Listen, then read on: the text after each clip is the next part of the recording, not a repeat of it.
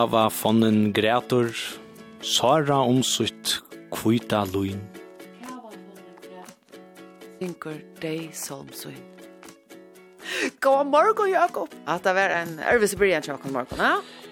Ja, vi valgte at lykka teka et ørende her, tog at, uh, og det er da faktisk uh, sørste veterdavur, Ellen. Det er da allmannakken sier at i morgen byrja vare, om man så skal trycka all nackan och följa honom så är snär.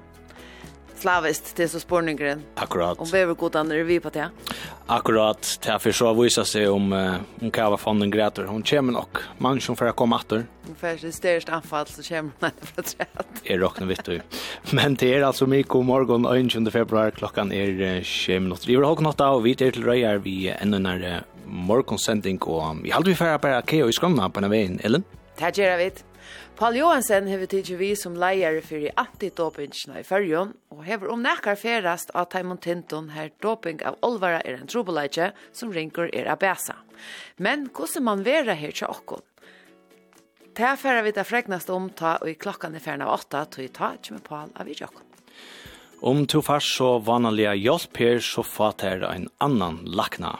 Ta fikk tvei kjøra gamla Louis Birgerstøtter Johansen er vita fra så innom kommunelakna og i havn, tog hun helst ikke få han noe av hjelp, høyast hun kardi sinna nei, og ble avvist flere ferier. Om hon og familien ikke var avhalden, så kunne det være enda helt gale tja Louis. En heil vika skulle genga fra fyrst og sjuka etkjennom til hon at enda, enda i ugenom CT-skannara. Og her fikk hon en kvøk da det var stafest kvært vær gale. Luiv hon grøy fra sin nære søv og i tøymane mittlen 8 og 9. Fyrst hjelp. Det doa til bedre nekk folk i det, men kanskje er det ikke lykke nekk som du å veita fyrst hjelp til kjelegjord. Etter klokka nuttjo er Jora Laknen Annika Nørsbang Nolse vi okkon, og hon gjev gåra om hva du eira gjerra om, la dokken sia hundren for heila bløying, tjettan kommer inn vi olva som hon sare, etla ur ringasta føre, kjele Jora for hjertasteg. Hetta er av skromni etter klokka nuttjo.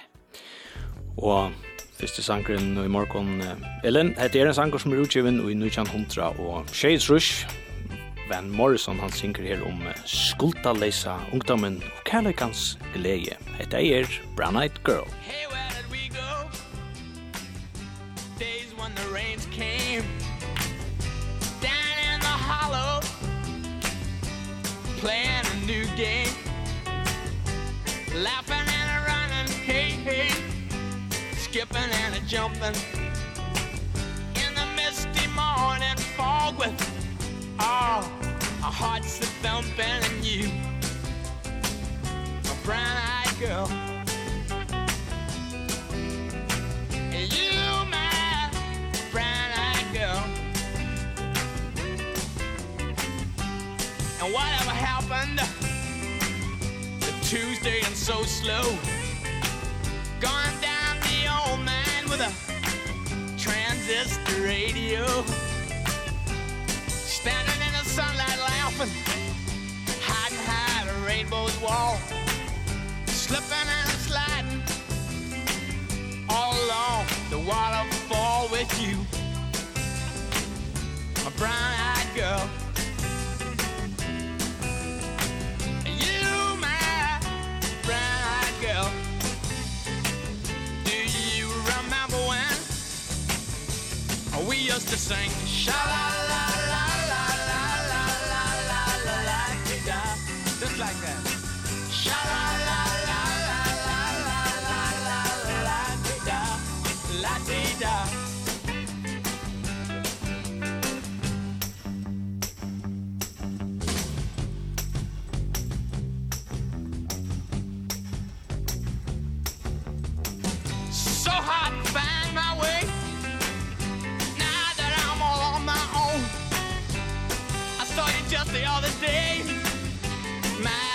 you have grown.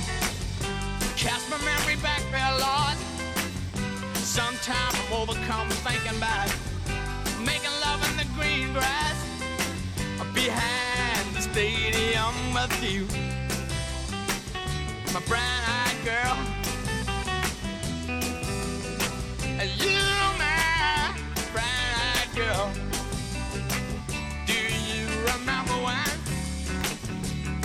used to sing sha la la la la la la la la la la bit by bit by bit by bit by bit by bit sha la la la la la la la la la Ein sanker som er utgiven og i en nekvon imenskonversjonen etter håndene, men her og i opprona, opprona versjonen som Van Morrison heie som gjør det. Eina fer, så gjør det Madonna. Minns du til utgavene? Nei, til halde ikke minns bare så snutt at sida. Jeg halde til var her som vi fengt av at han var til. Tog at han var akkurat så gammal at um, han ikke kom noen okkar radar. Jeg halde hjemme til okkar mer enn jeg, for ikke på alt han har Nei, akkurat. Og så kom Madonna vid og så så fick han på en gång. Och så vann i häsa och så fann det han var nog bättre. ja, det vill jag nästan säga. Ehm. Det är slash låt att säga att du slash har Madonna så. Nej, men eh jag väntar ju till för att komma när vi Madonna men eh är ju ofta mest till så upprona. Vet du att är bland är bland American Pie. Det är slett. Bye bye American Pie. Ja, det er fair. Det er slett ikke jeg som sanger, men danner var ikke vi hentet. Det var godt nok... Uh, Nå håper jeg ikke at jeg så med meg for lengt ut, med nei, tvart. Jeg halte ikke det, men danner så sagt bra girl. Kanska luftaren kan uh, hjälpa oh. Elin Sindra V. American Pie ett la Night Girl. Nej, nej, bye bye American Pie. Det är inte filmen där American Pie. God morgon tittar ut ute annars. Ja. Ska vi inte tacka ett annat lä. Kom, vi får att se att klockan är 13 minuter över halv åtta och nu får vi till några som du släpper att presentera det. Det är så vi mycket bara morgon allt. Det är så kvarfall inte några evig om om Madonna har sånt händer sånt ett lite det är man vet aldrig. Och att gå vi sånt någon greener. I live in a town by the ocean. It's greener than most places I know. Nothing for miles in the open.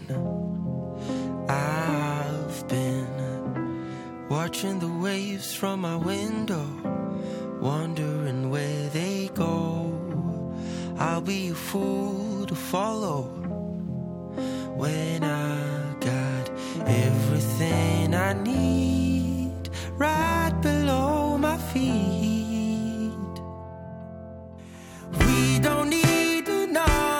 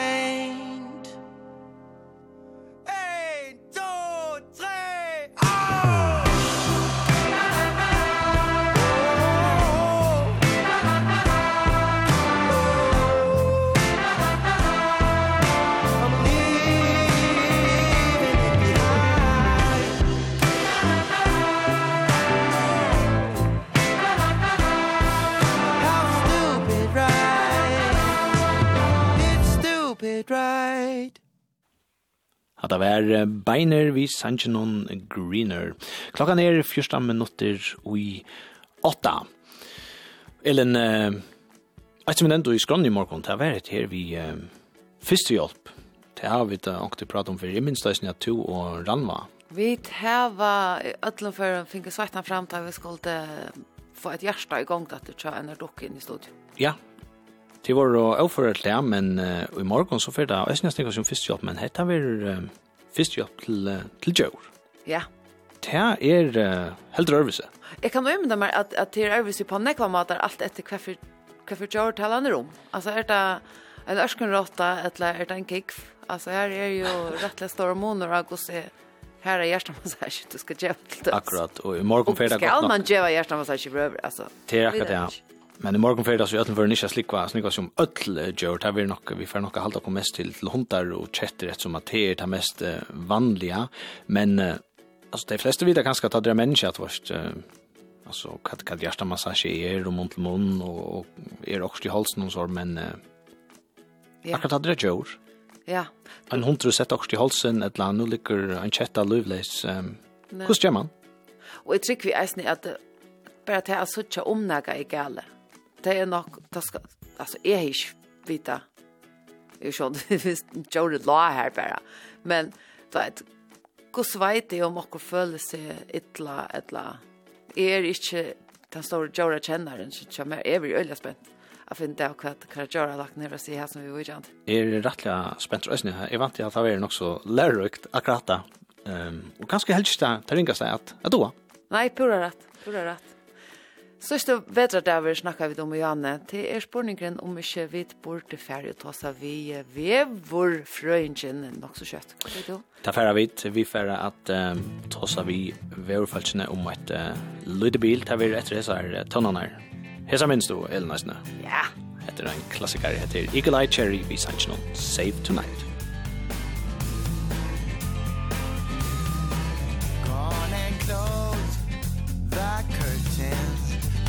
we need is candlelight. You and me And a bottle of wine. And I'll hold you tonight. Uh, Well we know I'm going away And how I wish I wish you were so. So take this wine And drink with me. Let's delay our misery. Say Fight the break of dawn Come tomorrow.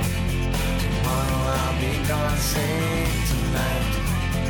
Fight the break of dawn Come tomorrow. Tomorrow I'll be gone. There's a log on the fire And it burns Like me for you. Tomorrow comes With one desire To take me away. It ain't easy to say goodbye. Darling, please don't start to cry. Cause girl, you know I've got to go. Oh, and Lord, I wish it wasn't so. Save tonight. And fight the break of dawn. Come tomorrow. Tomorrow I'll be gone. Save tonight. And fight the break of dawn. Come tomorrow will all be gone.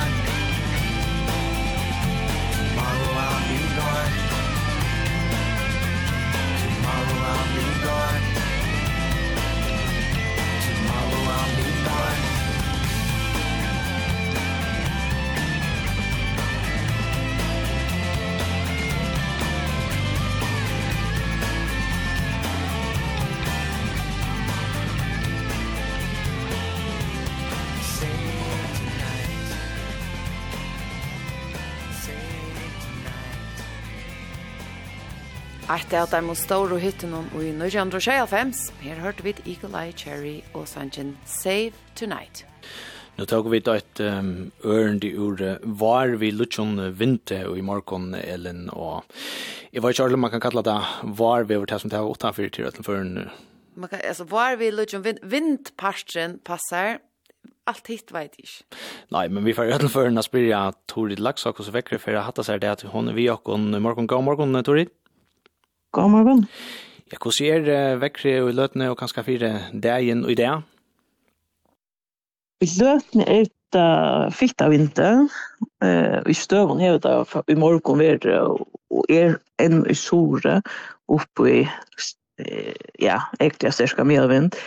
Uh, I morgen uh, eier vi oppe i 4,6 meter om skundet og og ja, sorry, akkurat ikke noe det. Hon stender som bort, men men hon er helt uppe i 4,3 mån. Men ellers är det generella boilat att det är mitten i vet 15 och 20 meter om.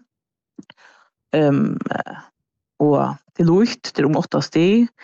och så rekna da, Nej, vad säger ni i förrän det? Han är nu. Och det är lukas mynden vi får sucha fyra personer där. Det er ver 13 låtja med skunde og støvun i 20 av landsninja og sunnan og samsi og regn. Sætna parsen da fyrir han så genka upp i ussning og minka nir i 8-13 meter av skunde og så minkar han spekla mer og mer som lyra kvöld i nottena. Da Det var skiftande skyloft og alla vever og i støv og ganske ganska vidare, vad det kan vara. Hitten där för lite som en 7-8 stig. Og i morgen, da kommer man så mela og imsnatten, og oppe i 5 meter sekunder, kanskje oppe i 8 meter sekunder er mest. Så det blir velminnig av vind i morgen. Og det blir skiftet skylluft og alle vever. Heten vet nu, det blir sånn kaldt i morgen, det blir mittelen frostmarsk og 5 sti. Ja, men så passar det ganske nok så vel. Var vi lutsjon vinter til lutt, vinter og, og regn. Og i det er, er lutt og vinter, og i morgen blir kaldt der, er anker som er mye skilt. Ja, ja, om det er kaldt om vinter eller lutt om vinter. Vinter, vinter. Det tar jeg vidt. Tori Laksa, takk for at du var vi og morgen, og vi tar oss datter i morgen. Det gjør vi.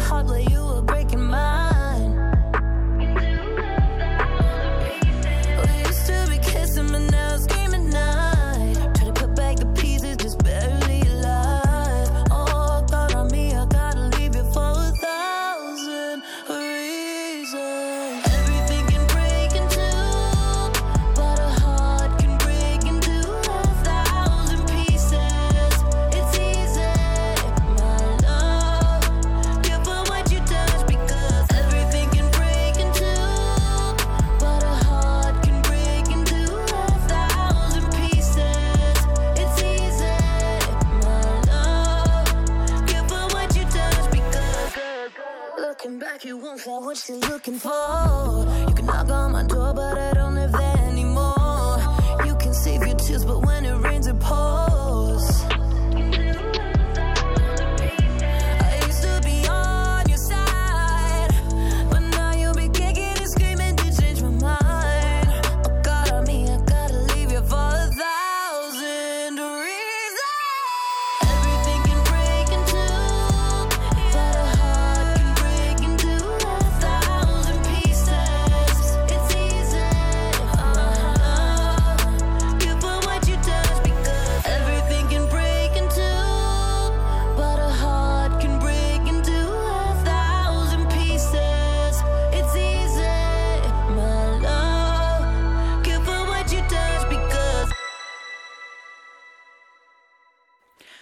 Thousand Pieces vi har hørt Kim Petras og Jakob to har du kven i sin kven uppblåsten kom til Anders Sanch. Ja ja ja ja ja ja ja. Hon er i uh, toppen av poppen. But no, vet ni för du inna. Eh uh, Anne Linnet. Passar. Ja, ein uh, verkorsangor. Ellen Nastotanen er og farner uh, fra her, vi uh, Jakob Bellens. Og etter klokka natta så får vi med landa prata vi Paul, som er nødgjør i antidoping. Hallo, Johansen, yes. Og så får vi da prata vi en unga kvinna. Vi tar rast etter tøyntene. You could be with a million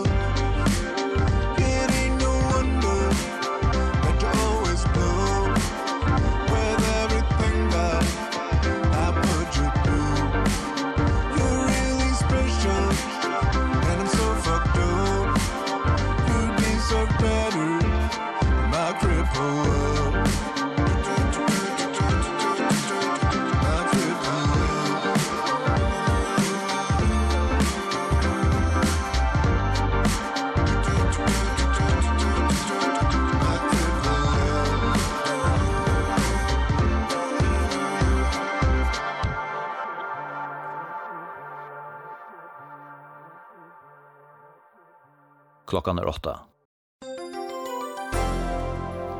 Limer i pedagogfella nun heva finnki og luti i løn. Fyrst i hesson år nun var næs pedagogfella i at tøyma lønte limer heva finnki skaiva tøyma løn ta dei arbeida kvöld og nått tja kommunen. Hette er sjelja talan om tei som arbeid i ungdomshuset. Tøyma lønt færre at få lønar endur gjald, tøy tøyma lønnen veri ratta attervirskande, ta arbeidsgjevarne færre at ratta lønar skipanina, sier pedagogfella i. Hetta kan genga heilt atter til 2019. Fyrir dei fleste tøyma løntu mørkir hetta at dei hava finnje mittel 20 og 16 kroner og lyte om tøyman ta dei hava arbeidt etter klokkan 16.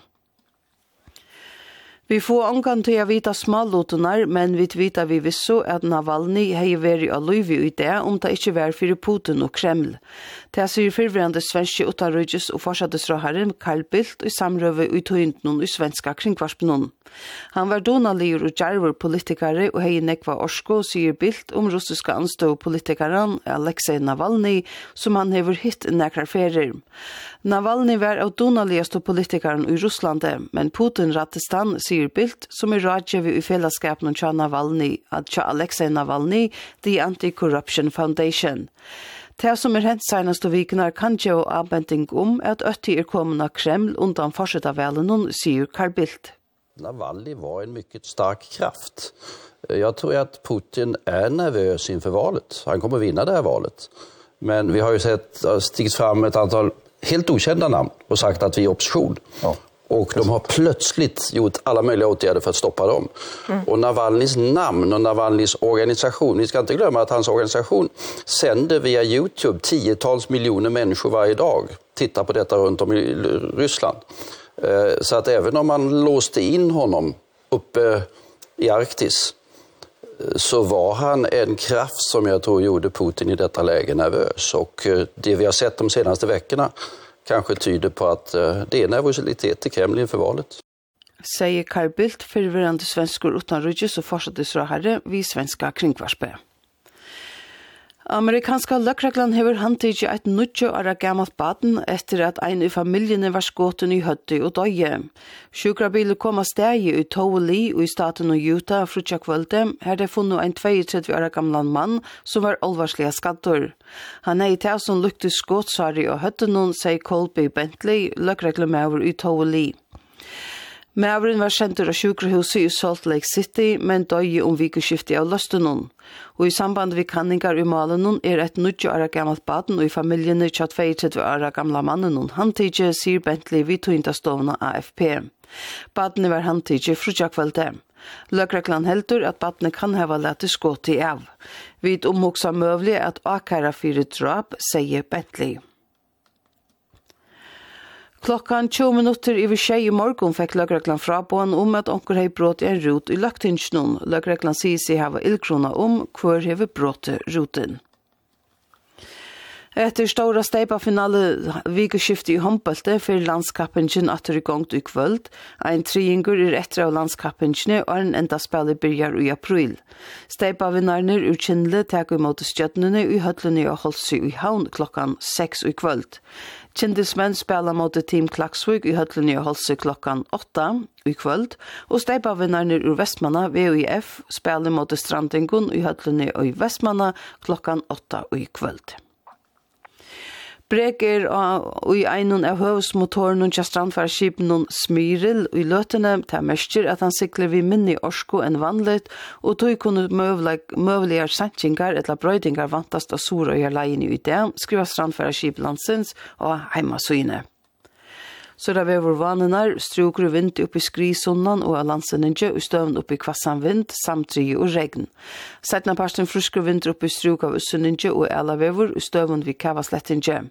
Og i natt minkar vinteren, fyra parsten i morgen, lyde låt av imsun 18 og alavever, hiten mittel 3 og 8 sti, og i natt om frostmarskje og landsvarsboar fra i løten er oppi 32 meter om sekunde, og i kvillen av delavennen til Viareies og av Odjarvennen, 34 av Porskjøres holse, 31 av heltnene av Ønfaravennen og Strømnese, 30 i Kvalpa og 22 av Høreine.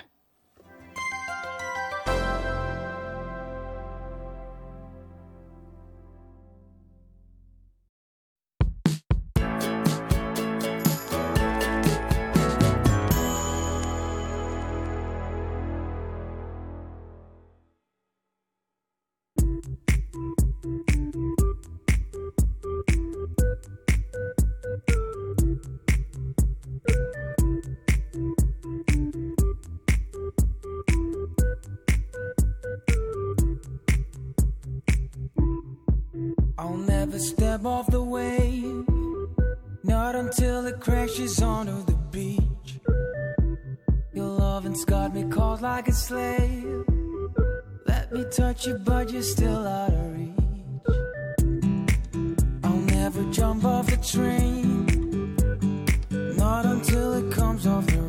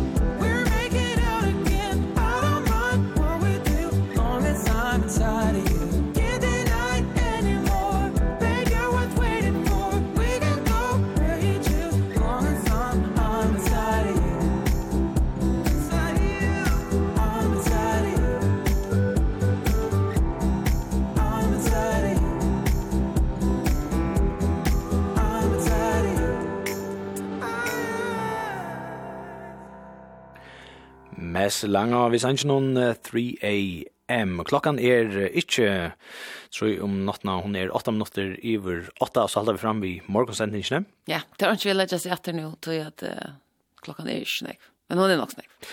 Hun er ødelføren nok til at uh, nek er og færen i skola, og her var byrja arbeidsdagen som vi har ikkje enn. Ellen, og i hessen uh, tøymannen så færa vi mitt anna prata vi en unga kvinno som... Uh, opplevde det å være tja kommunelakna, og her fikk hun vite at um, om du først så vanlig hjelp her, så fatt her en annan lakna. Det fikk hun vite etter at hun hei... Um, Jeg sagt fra at hun ikke helt seg få noe av hjelp hos hun kardes unna nei og ble avvist uh, flere ferier. Hun rønte at uh, slipp at lakna vi uh, ringer pyno og i høttene. Og det er et nøyst ikke, og ja, hvis det ikke var for familiene og henne som var så avhalden, uh, så kunde det enda helt gale tja loiv til det. Viste seg at hun enda jo en settskanner at enda her funnet deg i det hun nekka som ja, gav en en ordans kvøk, men etter færa vidt at flatta meg rom Så, Ja, jeg får hatt det som kjer til at jeg får ordentlig bud. Ja, ja. Så jeg visste ikke, altså, man hevda jo øylerringt hvis man heldur affram a be om hjelp. Og hvis man avhaldande ta over du i horn, lavendel i horn. Ta, ta, ta fai jeg sin tilspudg, ta meg i igen. Ja, ja. Og det er akkurat nå etter fra, fra sjønne minne, tja, jeg sier unge kvinnene og sjåvande oppleva laknarøysene. Mekt og kvæt, at hun ikke var her da, og nekon før hun er nega som kanskje konkurriver og, og hva var det, ja. Men, ja, ja, hesa søvna, han har høyra vidt uh, om lai halvkonutjo. Vi får så inte gesture och allt möjligt och är inte men vi får höra sådana tonläge. Här är det Gate som vanta norska Melodi Grand Prix. Ja, nemlig. Vi tar på som eiter Ulveham. Ulveham, og jeg, jeg må si at akkurat har jeg hørt hans først før, så helt er med kjenner, eller akkurat som mynte om, en uh, førska sanger. Akkara ekno? Ja, akkara ekno. jeg, jeg helt at jeg var det støv i sin sannsyn som mynte syndrom som eiver. Læt dere høre så kunne folk møte selv.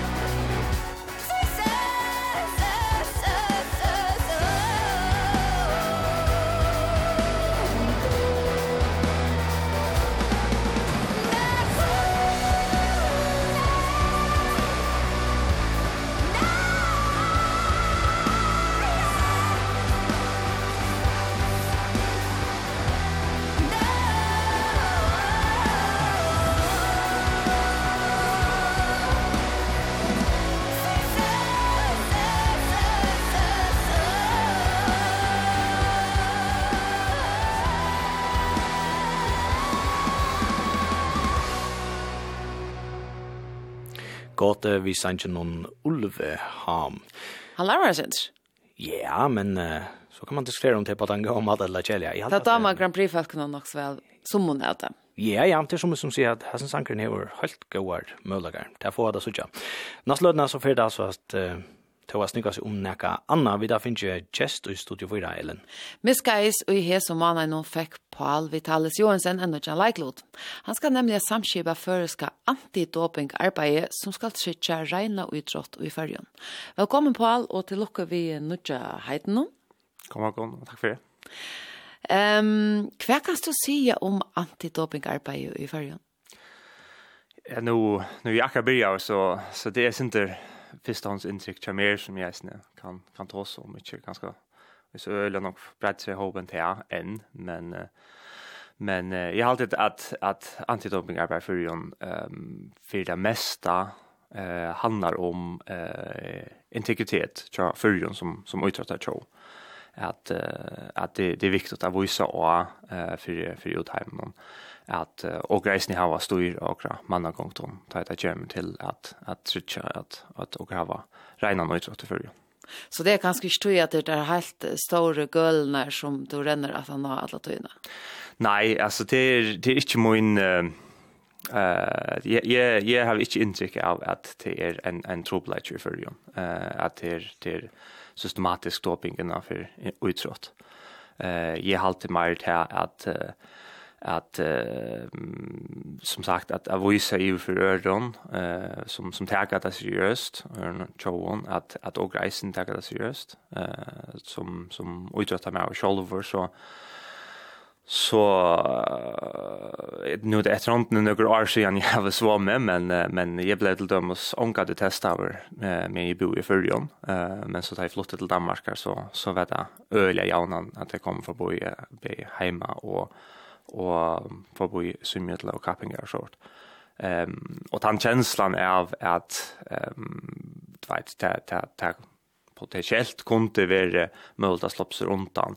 Det var sen så ja, det steht att att det var arbet vittigt ta men men det blev just en också jant ta. Um, ta eh ta i svärm ta bryr man allt att samstäva vi antitop Danmark kom att att några liksom testar eller konsulenter så timen kom till förrjar en eller två fem år och så tog man testa nog folk ta en gång kanske eller två gånger. Ehm här mot idé så så hur man eh sex folk knytte att som som kunde föra ut och och, och testa allt år. Det tar som ett är det är att man testar för välja testa men ett annat är att fortälja om hemmen någon att vi testa.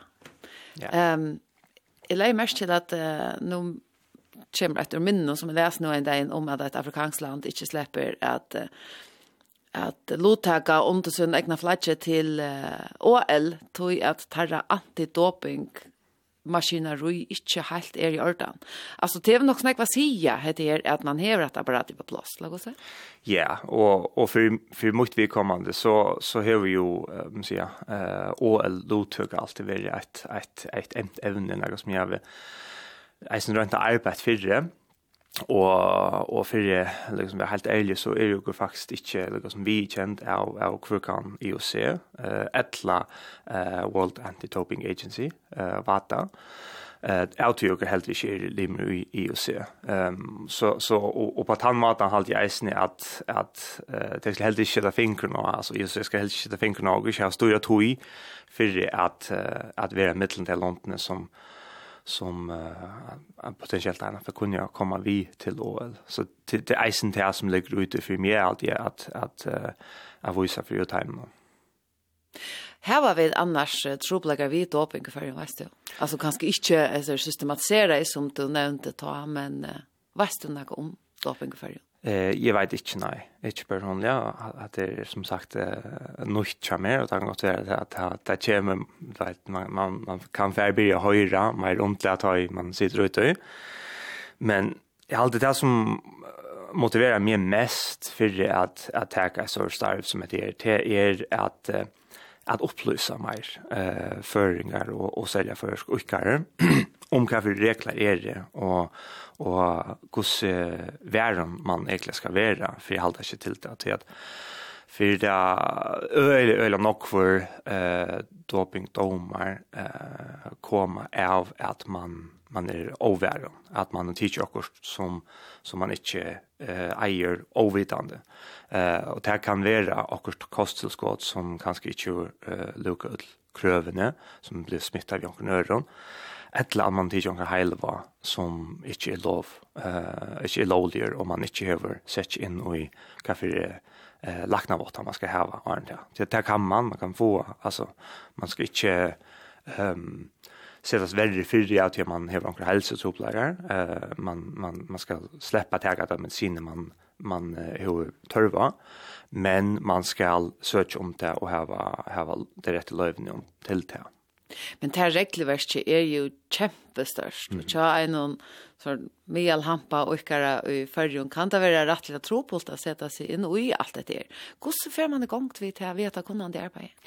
Ja, det det det är det det det öle nog att sätta sig in i. Ehm och och det som och kurjant på förrjun har var just just det av att öle det samsar vi antikt Danmark som som har som som har öligen gott upplysningar material om det. Ehm um, det har en liten annan uh, just en app eh uh, som som man kan för in och hitcha efter kaffe medicin är uh, är lowlot eh uh, och ehm um, kaffe medicin man ska ha löve till och kvart kvart man ska slett inte liksom som pröva att hålla still man ska helst finna alternativ. Så det går sen öliga gå början. Ehm men annars så så så som du säger att det är att det kan vara öljande eh några sätt inte nu men men men och i bottengrund så är det och kan shoulder som helt arbetna. Eh och och till alltså öljande synd för en ökare att att inte bara lyckas få en dom men tog tog att man över över men eh uh, halt eisen till att det liksom stigma som man för asje hvis man eh uh, hvis man vill teacha för det akkurst eh som ganska inte vill vilja. Är sen öliga chill för några tui at ta ver eisen brukt ehm um, till att alltså out time som som kanske hava dopa systematiskt ehm um, ver lukka som tan omskillningar alltid brukter eh att nej det var ikke vilja, det var också medicin jag har köpt eh en ön land eh och och att det ser man röna det lukkar som att att at rettferdiggjera en en en en systematik. Och det där det som innan för för doping till er ölen och kan jag kalla det noise. Alltså man man man har nog um, några informationer och närmast konspirationsteorier om om kvätt och kosse. Och och tycker man det är så helt ju ända igen sån där ehm um, eh Chile stod att skulle försvara av tror man inte liksom det eh ver världen att skulle försvara i för skeptikern liksom alla sin karriär. Nu har du ju alltså som summer färdas i absoluta toppen av tunnar utdrag. Vär ett doping and trouble shit, va? Ehm ja, som som sagt så så är det nog lugga som eh kvätt det satt och kvätt inte satt lugga jag har så med mot flyers som jag som är blind tecknar eh för doping. Ehm och det var ju allt och är vara en omskillningar och kurs medicin som det inte visste jag eller och kurs ett näsa spray som det inte visste jag hej och kurs cellpreparat och ehm men men nej alltså jag jag jag man man man har som olika misstankar till långa folk. Ehm um, men till till isen där som som som kan vara också farligt att lika som att sätta folk på så här förstår du misstankar bär till onkel är goer. Men jag har så upplevt att att att svåra mig mot det flera som så sett ni hen är blind teacher och inte finns ju lustus eh band från från från utrött. Hva gjør det vi en ukkere at man taper mot følelse som man så sagt finner det av var dopet, eller var, var dømt for doping? det, det, er, det er en bitter känsla Og til nok tog jeg at, at det er jo fyllt nok så nok fra mer og, og, i min her um, interesse. Altså at, at, at, liksom at halta uh, tingene regn og, og, eller halta uidrott reinan Uh, eh det är lika som dömer på att eh nu har vi som vi synter eh avskar till isnät och och känner jag som något som jag var vansam vid som har varit ännu mer utsatt för tror jag att att man får en kapping och man får en medalje ehm och en och så visst det ju flymanar att han har tagit svär på på prövningen kommer att at en som er framme for det ganske enda vinner eller eller någon annan eh över över teacher för en, en post som. Ehm um, tant känslan är var färd till en kapping och lugga som skulle jag fira så ett urslit eh och och för lugga som för för så vitt för för så att att att äntligen stå här här man inte kan fira det men för en medalj medalj sändande posten och det er, det er ikke ordentlig akkurat liksom som noen utsatt er ånd ut. Ja, ja, akkurat. Så det har vi ikke opplevd helt sjov, det var en sak som, som var, var tett på, her, her er en en testet positivt. Uh, men, men så, så enda det en sånn domstol og, og, og være sånn rett og fram. Men jeg har vindfolk eh, som som har opplevd akkurat det at, at att Amdalje kommer sent han det eh, flere måneder at han er i posten. Eh, Men hva om så tid færa til eina kapping i färjon um, og testa de falskene som er og her og finne det at anker er dopa vi hente så ta samme her at anker andre fær medaljerna sendat vi posten noen sætne Ja, det är verkligen det som som som alltså og, Och som test og egentlig bare fylla de reglene som är det. Det är ikke också som som gör domon. Eh så det är inte utenfor akkurat det som som åker här och apel då. Men men jag till till Ekland här som alltså det visst det är kapping man vill teacha. Eh så så ska man hanta sånne medaljer och så för den nästa rätten igen. Kvarjar och idrotter omfattar det i färjan. Eh alla idrotter eh som är under OSF. Og ta ut dit, uh, gå så ofta färre till, nu sitter vi här, är det sex testar där. Mm. Gå så ofta färre dit ut uh, till Kappingafärgen. Ja, men det här är att titta när uh, nog upp till modern, jag håller oss pröven om året, inte vad jag är. Det är, uh, det, här, det här kan gott vara, det blir mer, det här, det det här fokuserar så tja, men, men det går så malet. Ta ut och syr allt rush runt så är det ju nekv som vi tar oss en nekv och ikkare det en nekv som inte har rönt det här är väldigt dopingtest. Mm -hmm uh, fire ganger har du?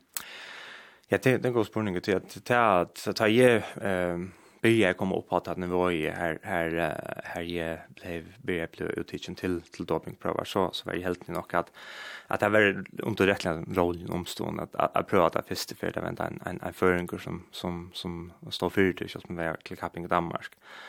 Men men tar man väl utteachen till till en adopting grant ehm um, till uh, till en kappning eller till venjing eller kan inte ens vara hemma hvis man liksom är innanför det. Alltså hvis man är en viss stöje så så så ska man alltid kunna eh uh, ge en eh uh, alltså alltid kunna färra till doping. Eh men tar ju man så så blir eh om man ser pricka öxlarna en som kontrollant och som som hoppar på det på att kreditation på att att komma fram till dem förjon. Men så så får man första vita att att eh man är utitchen till att topping runt. Man ehm hur rätt la sig nej, men det resulterar så i en en dome. Så man ska helst färra vi, hvis man vill vara ukare. Eh Og så skal man egentlig gjøre en, en, en blåprøve, eller en, en, en land rundt.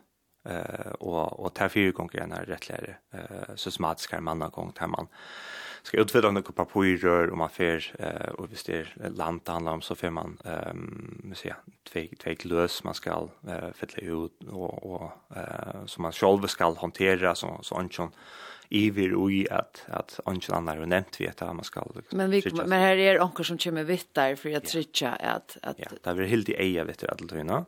Eisen tar man for inna vese at, at, at, at elvra land prøvan.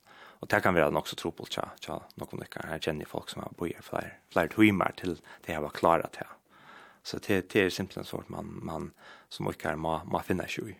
Og hva er det for folk som, som så fer ut og tar rundt ned? Ja, det er utfattet interesseret i som, som, som uh, hava tidsje uh, noe skei innenfor dette området og, og kjenner prosedurene øyelig, øyelig godt. Det är nok annars som tror jag tror att det är alltid av sportskatten när gjorde den utrand.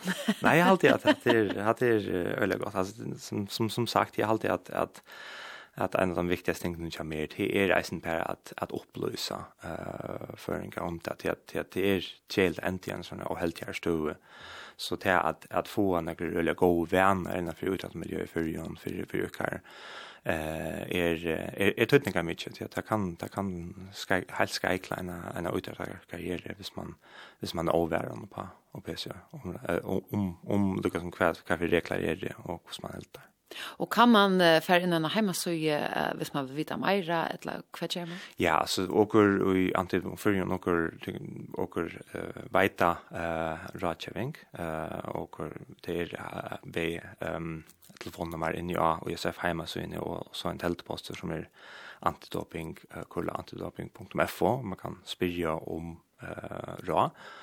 Men så, som sagt, var ju kände antidoping Danmark, materialen så det ölen och det som jag refererar till som, som är en, en öliga god resurs. Eh, nämna konventionen till att, till att förstanda ett, måste säga, relativt eh, stort och komplext ehm ämne.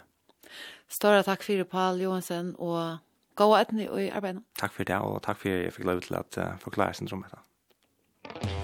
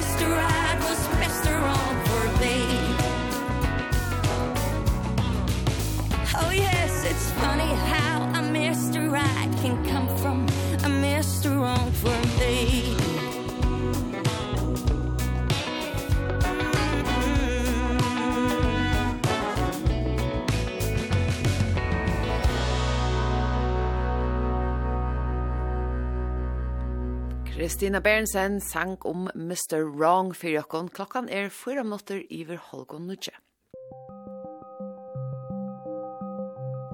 Om jeg feil så vanner jeg hjelp her, så fattar jeg en annan lakna. Og jeg takkar så fire, og ber om årsaka at jeg ringte inn og leis og av. Det fikk 22 år gamla Luiv Birgerstøtter Johansen av vita fra sin kommunelakna og i havn, tog hun helst ikke få noe av hjelp, høyast hun kardes unna nei og ble avvist flere ferier. Om hon og familjan ikkje var avhalden og funn noe annan lakna, så kom det over i enda halvgal til liv. Man kan bæge få altså, anfødt, eller enda koma, eller altså, dodja av det. Jeg følte meg faktisk ordentlig som en grein. Det var jeg som tog at jeg sier vi er faktisk årsaka at jeg ringte. Ein heil vika skulle genka fra fyrst og sjuk og etkjennon til å slapp fra med at seteskannere. Hun fikk en kvøk, da det var stedfest hva falt det. Søvan tja løyv byrjar heima vi hus. Det var faktisk et leierkvölde, her er akkurat lagt meg i Søntsjena. Um, så njøst jeg, og brottelig fikk jeg øye, øye, ringe høypøyne. Um, høypøyne av Vestnes og tjøk noen tøymaner, og jeg leir seg som mest til at sjøvnen kommer være litt sindro avvarska, men jeg valgte bare å legge meg å sove, at det er nok helt at det er nok bare en vanlig høypøyne. Mm Så sånne sånne morgen tar jeg vakna jeg, tar jeg på innan enten samme. Jeg valgte så ringe faktisk til mamma min og spurte om hun egentlig har opplevd oppleve at haft denne sin til jeg hører på henne. Til hun satt så reelle, Hun satt så reelle spesifikt sted og høyre så jeg bakhøtt noen. Hun sier så nei, og jeg lette faktisk bare, lette så faktisk bare fjerde. Um, Mandagen opplevde jeg så da jeg vakna jeg at høyre på henne var øyelig og øyelig ring. Og jeg valgte så til at ringe til lakna. Og her slapp jeg så inn beina veien. Um, jeg greit jo også fra alle mine jeg kjenner at jeg har haft um, ringa på inn og høyre søya bakhøttene, og at jeg har kvalma, og sjøvnen var avvarska, og at det ikke var noe vanlig høy på inn som jeg opplevde før. Han, han greit fra at alltid at jeg finnes nytt starv som innepåstør her er trilla i senker, så har vi nok trilla skarft. til å si akkurat som det er veldig spenning, akkurat som er spenninger i nakka, nakkafesten og oppe i høttet som gjør det at jeg fikk ilt. Han møtte så tog at jeg ikke skulle takke på innstillende, og bare skulle fære til fysioterapi og massere eh, nakkafeste og, og, og skattla. Og jeg først så ut etter, og um, jeg fikk så omkring å massere mer da jeg kom hjem, og her fikk jeg altså ølig, ølig ilt da jeg ble masseret. Så vakna jeg um, torsmorgenen faktisk klokkan halv seks. Her var på pøynen outhaldelig, og Jeg la faktisk og græt, lykke inntil klokken åtta. Herre så ringte jeg til lakna natter. Og ta slapp jeg snakka vi han i telefon. Og han var øyla ytla hurtur faktisk da jeg ringte. Og jeg til at han mette det var spenningshøy på henne, så, så skulle de ikke komme inn etter seg han. Og jeg ble til avvist. Og jeg ber om på innstillande annet migrenemedisin som man kallar triptaner. Um, og ta slapp jeg så ikke få, sier han, tøy at det var en spenningssøv på henne, det var ikke annet. Så jeg ble faktisk nok da. Um, ta sig vi igjen at det var altså, ser jeg vanlig hjelp jeg fikk, til at jeg kærte mine nei og ble faktisk avvist. Og da sier han bare at vi med at om jeg får så vanlig hjelp her, så fatter jeg en annen lakna. Og jeg takker så fire, og bare om årsaker at jeg ringte inn og løy så av. Jeg um, ring, ringte så faktisk til siste mine og greide henne fra støvne, Och hon ringde så faktiskt att och skjedde på dagen och säger hon är finnes inte tog til fysioterapi, alltså akutt, akutt av vidtale och in fysioterapi. Och här får det så klockan fem. Och fysioterapeuten han greit meg beina meg fra, han møtte ikke det var spenningsøpene at han var om, og at jeg ikke skulle massere kvørse nakka eller skadla, og at jeg skulle ringe inn at til lakna hvis innan helt av. Det har veldig heldig ha at jeg ringte av for fornegv til lakna en av for forløyde, til han møtte jeg som at støvan ikke var ikke være noe som han kunne gjøre noe vi, utan at gjøre meg en vending som jeg kanskje kunne gjøre hjemme, for jeg linda på innan. Og han greit så eis fra at jeg kunne teka på innstillende, det kunne jeg godt, og han skulle ringe inn til min dag i nattene, for jeg fyllte jeg gongtene, og det gjør han så eisne. Men det samme, altså, samme dag, det er torsdagen, om kvöldet, så valgte jeg så å ringe til lakna vakna landsjøkrusten, til jeg på innan var så rævlig ring, og her ble vi atter avvist. Um, orsaka av at lak kommunlaknen som er hei skriva i munna journal at spen, altså, det var spenningssøpina og at jeg ikke slapp at jeg kan legge på innstillande.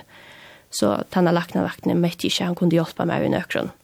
Og tog ikke skulle jeg bare møte at det tja kommunlaknen som er dagen etter, greit han fra. Hvordan opplevde du at det er at jeg ble avvist fra lakna lakne etter kvöldet? Jeg ble faktisk øyelig, øyelig skuffa. Jeg ja, jeg var faktisk ordentlig, ordentlig kjedd til jeg lagt av, til at jeg følte virkelig at liksom, jeg ble av alle sene eller så. Og jeg visste beina veien at talen var ikke om en spenningshøy på noe. Jeg visste faktisk av meg beina veien at jeg var akkurat som akkurat olvarslitt eller så. Ja, hva er tanker du gjør om hva dette kunne være? Jeg husker i ødelføren at det var akkurat unormalt. Altså, onkel migrena, onkel slæ, eller akkurat som jeg ikke har opplevd før till att i världen läsna hemma från arbete så jag måste be mig om fri till att det var simpelt så så ringt. Ja, det var så tuschkvalt så kommer vi till uh, Miko och Morgon. Vad hände så? Ja, Miko och Morgon var den faktiskt den ringaste dövren som jag hejer. Och jeg följde virkelig att jag kunde faktiskt inte ringa till den där kommunläkaren som är. Jeg tørte faktiskt inte, för jag var helt ärlig. Um, allt jag dock har sista samröva har så, också, också skuffande och behagelig för mig. Och Jeg valgte tøyskil å fære faktisk til laknene og i Vavnen, her som min foreldre ganger. Og her slapp jeg faktisk inn beina veien, til jeg møtte faktisk støven støve nok så. Alvarslig eller søys. Og um, laknen spurte meg faktisk beina veien om jeg tok pepeler, og jeg sier så ja. Og han, vil, altså, han vil vimmelte meg beina veien å stekke, for at hun det jeg av. Og han målte blodtrystet til meg, og det var alt og høyt. Og han, han nevnte beina veien, han domte ikke støvna. Og han ville gjerne ha at jeg skulle mata blodtrystet da jeg kom heim i nekka dager, og komme inn etter til nekka blodprøver. Og heta Georgie så den 18. høste, høstmorgon, ta før inn etter til nekka blodprøver. Og ta leie jeg som merke til at vi mener seg at vi bor i rummen, at det, det var så rally i i alle tog, men jeg ta leie mest til at jeg bryr knapt ikke skilja mål. Så jeg skilte ikke ordentlig hva folk søtt og gjerne løt. Hvordan er det da? Ble du ikke, ble du ikke nok bekymret eller ikke bekymret om, om støvene da? Jo, altså jeg ble veldig öskymla og jeg sier det faktisk när mine foreldre föräldrar så jag kom hjem, altså jeg flente faktisk sin rätt ut til at jeg helt jo ikke ordentlig at jeg helt bare at jeg kan skal være bare meg og gjøre det. Alltså inte att jag kanske var att jag känner på etter av bestemte. så jeg flente faktisk bare etter igen och så löst så. En till fan där att det var faktisk et, et ett känner Jag tog sen där blodprøven og for heimater og på jeg etter svær, og ta ble det øye, altså ta ble på innan øye exli om kvalitet ta var jeg akkurat ferdig til havner. Og så frutja morgon, ta jeg, ta jeg vakna ta ringte mamma min faktisk og spurte, hun var øye, altså øye bekymret alle tog, og spurte hvordan det gikk, og ta nevnte nämna nemlig fyrir henne at, at på var akkurat den samme, og jeg har måttet blodtryste, og ta var og høyt stadvekk, og jeg fikk ikke, altså, jeg fikk ikke ete eller, eller nekka. Og i døgnet av det har vi jo haft et kjenne som kvalma og ringa hög på nå. Men jeg har eisen et øyla blåsprångt og hov i eia, og hetta hona eia kom akka som særlig at han frutja dagen av vinstra søya. Og hon valgte så å rinja til lakna her vestreator i vavnen, og tar bøy om å komme til lakna vakna klokka fem, tog at han samme lakna som jeg hever tja over, han hei vakt, altså lakna vakna. Så jeg først så om han klokka fem, og han eh, tog, altså måtte jeg blodtrystra mer, og det var stadigvæk alt og høyt, Och han sa nämligen at att Eja är var avska och tog med en ordentlig stöv han var allvarslig och nu skulle jag suicid skannaren. Jag först så ska jag ståna och här här alltså till Ivas sen du kunne være, vara till Ivas kanske om det kunne være ett som heter klunge huvudpinne och självt om det er eisen nok också självsamt. Så till Ivas sen dör men jeg ble så en innløkt av beskjed. Och här fikk jeg så alltså triptaner för migrene, och å vite om tärrika och det pröva och imska vidgeras för å vita och kvar rika på poinene, Og så le, altså, leier det igjen. Ta spurte det meg faktisk om jeg ville slippe hjem. Tog jeg at, altså, hvis det var til at, at jeg skulle kanna vite hva det var, så måtte man bo i til måned der, råkna av det vi. Og jeg sier så ja, at jeg kunne kanskje ta meg for hjem, at jeg sov nok så ytla, men det var så at tog bedre gjerne og sette skanning gav meg årene for hjem. Og da ble det staffest at jeg heier en større blodpropp og i venen og i heiland. Og tog jeg var som må være. Det vil si at hun nästan, eller man kan säga att jag sa hela vikna heter nog Verbian på en den här blåtöppen som de så gärna finner det av. Ja, alltså hon spurt mig först, hon tyckte hon mätte kanske att det var klunga ihop in, ja, och så skulle vi lycka kanna och se till skannaren för jag vet om näka vär eller inte, och visst det inte var näka så, så blev det stäffest att det var diagnosen. Men eh, hon är inte rocknad vid att det var en blodpropper. det, det nämnde hon nämligen själv. Så det var, ja, en ölig kväckor att få. Ja, hvordan heter det at du fikk et her at, at vite? Alltså för vad helt ärligt var det faktiskt nog så latta att det ändliga var och alltså att det fann det och kvart var som fallte. Ehm um, men sjön det var en ölig kvöcker att att man är så onkel man har unga lön och räknar vi att det var det som fallte. Ja, hur vant det mycket var som blodtappren? Jag som blodproppen, alltså han äter cerebral venous sinus thrombosis och det är en ölle sköldsamma blodpropper. Um, men han er alvarslig hvis han ikke vil, altså hvis det ikke vil ni allvar om og man ikke finner det av hva det er, um, og det som man kan dodge av det, og at det, ja, altså det gjør det at, altså hessen blåproppen blokkerer for at blå ikke slipper ur heilene natter. Så det er et økt trusht i heilene som gjør också som, som gjør man har på inne, og til og med svært kjølstrubleikere, det er trusht av nerver og forskjellig sort. Så altså han er alvarslig, Jeg kan det hent hvis du eisen i handa deg, handa leir deg, nå en av vik og satt vær sendt heim, och den er vær sendt skanneren? Det där i rockne alltså det hej kunde alltså inte allvar slut. Ehm um, man kan bäja få alltså anfall eller inte komma eller alltså dodge out det. Och vad hände så att det så funnit det av att det var alltså en, en blå proper kvar kvar vilket effekt så? Jeg fikk faktisk tidsi en ryggmarsprøve som det aller første, det var det øyelig kjøte på, til det vil gjerne kanna om jeg har virus, altså av hele noen, og at han at jeg fikk så blodtennende sprøyter, og ble beina avkort blodtennende vidtjer, og mener var innløgt. Og hva hendte så da du er finnes her vidtjerna? Um, jeg ble så utskrivet, um, og da fikk jeg så blodtennende sprøyter vi heim, som jeg skulle lære meg å sprøyte med vi, og ja, det, det var faktisk det. Ja. Hvordan er det vi, vi akkurat tog vi er vidtjørende? Alltså, ja, jeg vet att det var inte som man ble släppt på fjall helt det selv, tog jeg at um, Og jeg visste jo hvordan jeg om det at det er så selvsamt, så jeg følte sin tur att jeg har alle nekka spurningar, og jeg visste jo i jeg nekvun, og ja, det var kanskje litt skuffande at man ikke kanskje fikk svære på, på, på at her man fikk, jeg husker hvis vi, hvis vi uh, spåler sin rett nå, jeg har det greit fra til nesten her forløp noen fra tog jeg uh, ringer inn til fyrstfer til 18 av vidtjørene. Um, hvis hvis jeg nu skulle tista fra fra sjona min och chacha lagt noen, så så upplevde det ju noe ofte ganska kvante att att få komma in vi ankron som ganska konkurrerar alltså själv och till dömes sterk høy på innas framvis Um, skilt att att at lackna nu i nu bare kunne ta öll og och sända skanneren og och Ja, jeg skiljer jo vel det. Altså, det skjønner meg til Jerry Visla, og det er eisen ringt å meta om tja hver en stakkel syklinger hva det er som kan være gale. Men jeg halte til eisen at det er veldig viktig at man kan skal ikke nok da følge å komme inn etter, ta følge ringer inn og faktisk ordentlig greie fra hvordan hos poinan er eller hvordan hos det hava det.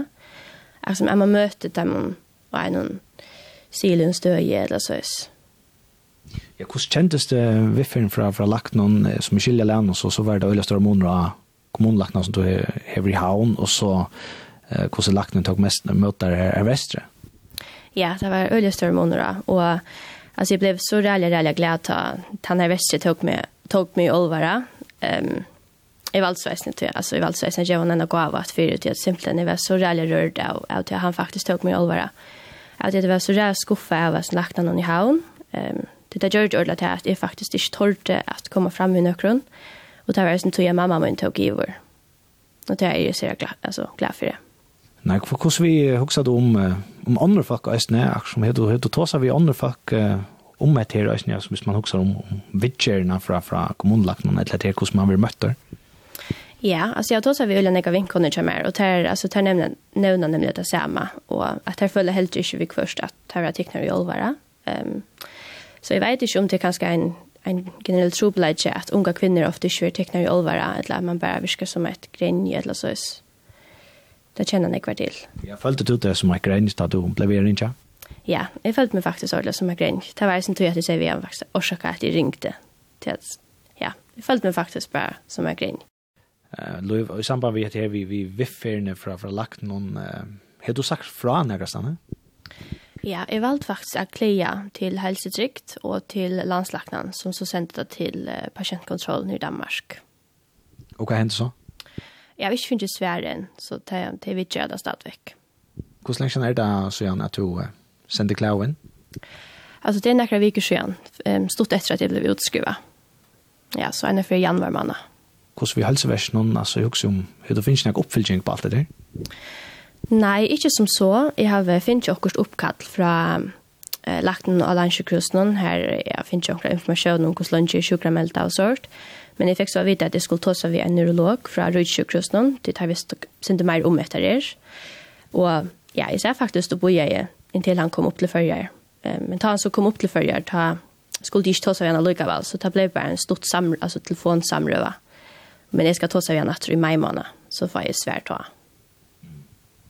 hur ser det da vi tog att det blev till en samråd og nå? Altså, ja, jag var, det var sent skuffende at jeg har sånne kva spurningar. Um, man, man sitter inne vid några spurningar ta det sorts allvarsligt som händer och, och särskilt att kanske ta det så självsamt att de inte vet något om det. Så det var sånn, det lød sin skuffande at, at jeg ikke kunne komme inn, og han skulle si at tåsa vi han. Men jeg er veldig glad for jeg lukket at han ringte til meg. Og hva er det annars finnes jeg vite om, om årsøkene at han fyrir enda nere? blodproppen? De kan ha med, altså de tog det ega blodprøver for jeg vet og vet om det kan være en blodsjuka, eller annet forskjellsår som de kan skal råkne vi, men um, årsøkjen er faktisk, altså av pepelon, med at de selv vet at de er av. Er det noe som man som har finnet stærfest, eller er det en, mer en teori? Det er faktisk en teori, ja. Det er ikke blevet endelig stærfest, det er bare en teori faktisk, det er at jeg har tidligere så langt, hvis det var. Mm Så jeg har faktisk finnet vite at det ikke tåler noe hormonelt og ikke skal teke noe fremover. Hvordan, hvordan hever du det annars i det? Jeg har det til bedre ordentlig godt. Um, jeg har alltid blant blodtene at vi gjør en hundre øyelig større mån. Uh, jeg heter synder ringt da jeg kom hjem fra hospitalet om vi, at min sjøen var avvarska og forskjellig sort, men jeg har alltid, at, jeg har alltid, alltid kommet rett lett nå. Så jeg har det til bedre ordentlig godt. Så också sen det alltså i framtiden näst för du tar var en lacknas hur ser hävdar det nu vis ner att att rinchat lacknar och ett kas man säger sig fra. Jag har nog så tör först vi tog i akra i rock vi tar teker en löt och lugga vänja sig upp vid han tanken att är man är man ringer in och man kan ska till vi tidigt ni allvar på en vägen. Så det ska lucka. Det ska lucka kommer att lära Jag er jo ganske hjemme til enden. Hev, hev du några råd till til andre som, som kanske kunde komma i sommar stöv som, som tog.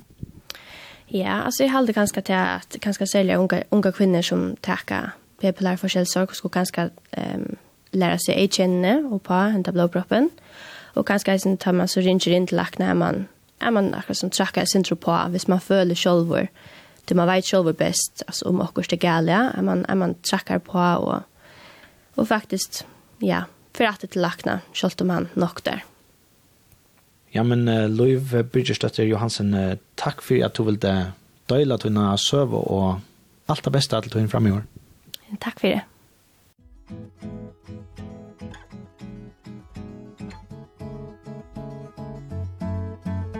Glitrar mig til Og gengið þar með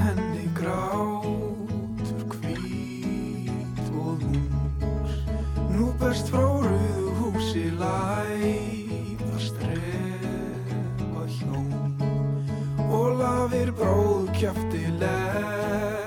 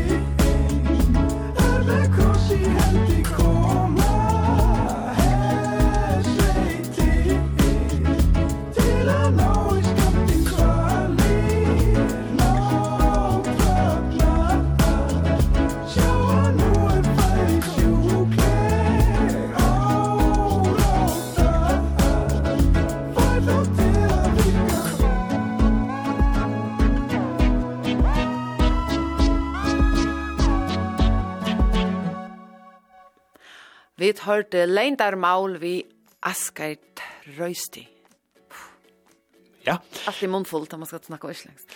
Klokkan er langt og fyra minutter ui nuttjo Elen tøyntene til Narskast, og etter klokkan nuttjo så får vi et serfrøyng av Vidjan. Det passer mye der vi er, og det merker at serfrøynger kommer.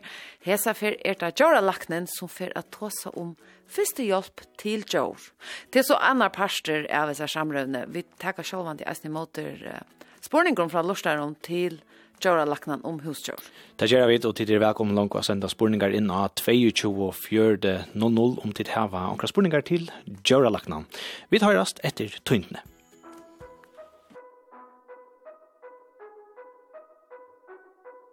Uh, down this world ain't for the faint of heart Nah, feel like uh, we were made to fall apart I could build your heart an army, yeah.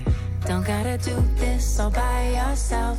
If you need someone, you call me, yeah. You got me, yeah. You got me, oh, I could be a lifeline. Stay with you till the sunrise. When you're alone, you don't mean you're alone. I'll be by your side. Oh, I could be the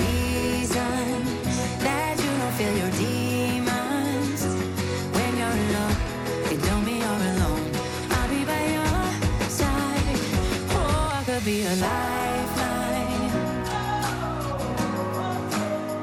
Oh, I could be a lifeline.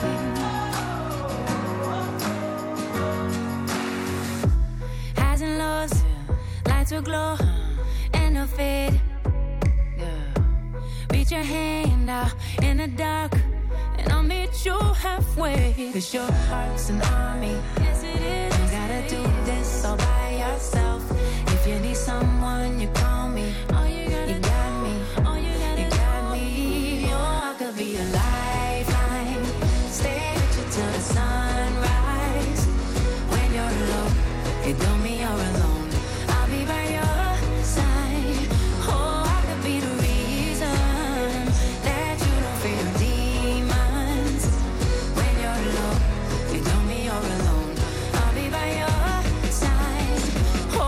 could be a lifeline. Oh, I could be a lifeline.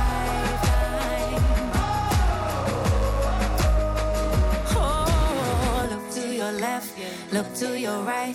I'll be right here. I'll be by your side. Look to your left look to your right.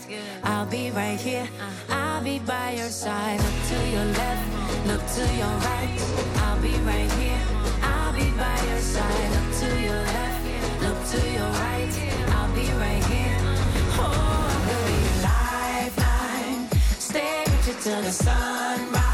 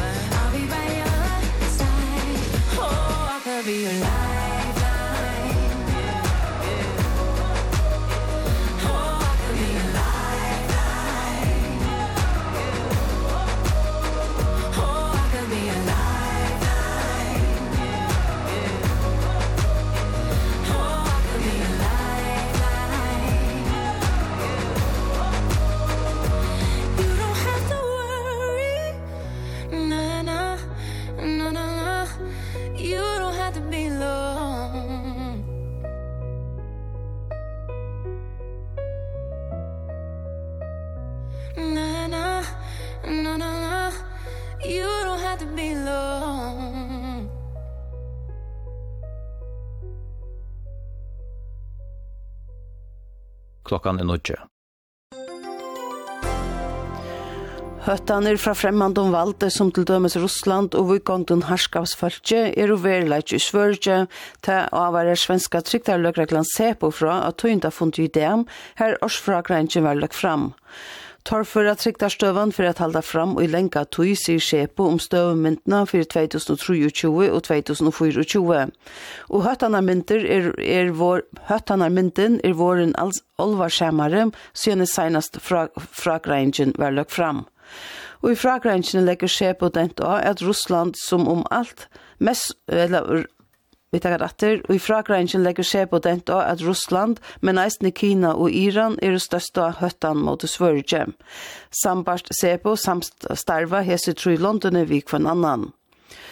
Høttaner måtte svørge er samansettar vid suttja at fremmant vald og vuggøyngter herskapsmenn heva ein appur som gjer at høttanina renna saman og gjerra sterskare.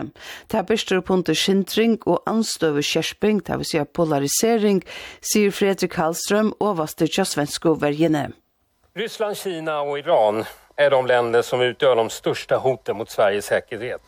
De bedriver underrättelseverksamhet och säkerhetshotande verksamhet i och mot Sverige. Och Sverige ska här ses som en del av det kollektiva väst och blir en bricka i ett större globalt spel. Och främmande makt säkerhetshotande verksamhet i Sverige utgör inte bara ett hot mot Sverige utan riktar oss också mot våra relationer i samverkan med andra länder och andra mellanstatliga organisationer. Vi bedömer att Ryssland utgör det största hotet mot Sveriges säkerhet. Deras allt mer aggressiva linje i förhållande till framförallt sina grannländer Det har medfört en instabil situation i Sveriges närområde, i synnerhet runt Östersjön. Det säger Fredrik Hallström, överste till svenska värjene och tog någon i morgon. Flere israelska raketter skulle hava rakt Damaskus, sambar syriska kringvarspnun rakt flere israelska raketter høvestein Damaskus tullja i morgon. Det er også greit om nekar fekk løster eller lett loiv i oppnån. Og Israel hever fram flere hundratals alup av Syria søgjende borgere krutje brast av i 2011. Flesto hava vært mot det libanesiske Hezbollah-delten som Iran stolar og mot støvun tja syriska herren. Nu er eisne rønt å smukla penger innvorstis. Løgreglan i Grønland hever tidsen en 24 år gamla mann og skuldsett han fyrir kvitting. Han var tidsen da han atleie færre ur Grønland til Danmarskar vi 130 000 kronon. Pengene er heian i vifferen, men nekvar heian svølt. Pengene var i nekvun hiltjun. USA avvarar om at krutjer om at presta av mellom grannalondene Rwanda og Kongo og byr til sissase.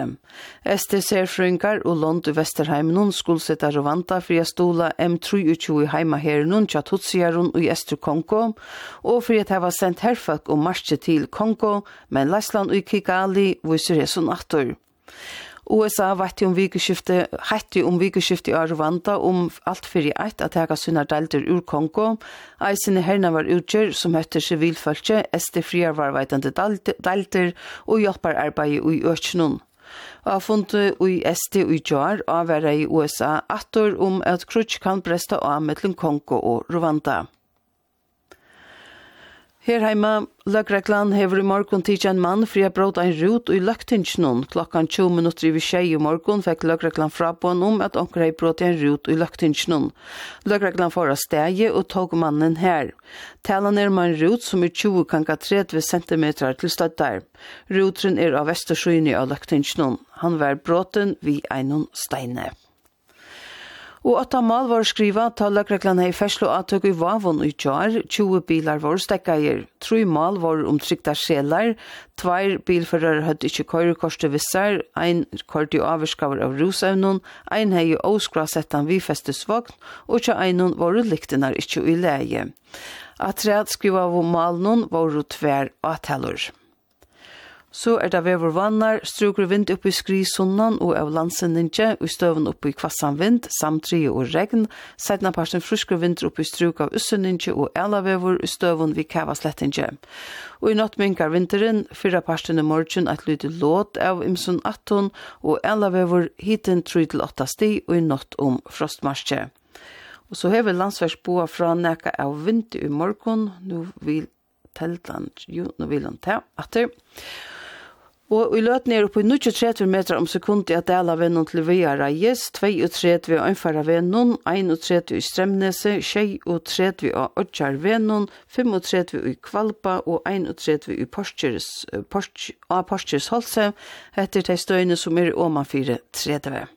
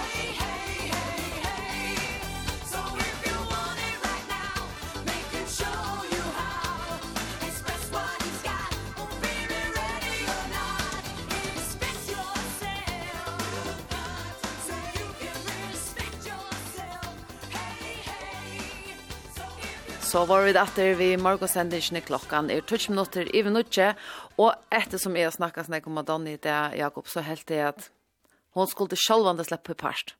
Det er alltid jeg snir finnes og slett. Det var godt nok ikke han sanger som du nevnte i morgen. Nei, til at han lukte som den kvinne som vi spalte. Så dette var en ekta av Madonna-baskare. Ja. Express yourself. Ikke Bramite Girl. Nei, og helt ikke hin. Bye bye American Pie. Akkurat. Akkurat. Nok om det nå færer vi til Serfrøynga Totten. Vi tar hva alt i Serfrøynga Vidjan. Mikko, Morgon, og det her, vi Østen i morgen til er Annika Nørsbank Nåls og Gjøra Laknes med vi og i morgen. Velkommen, Annika, god morgon. God morgen, takk for det. Og det skal uh, i første syfte snikva seg om kjelegjør og fyrst og hjelp. Um, vanligast og i førre til er nok uh, kjetta og hunter, så vi kunne kanskje bruka det som, som døme.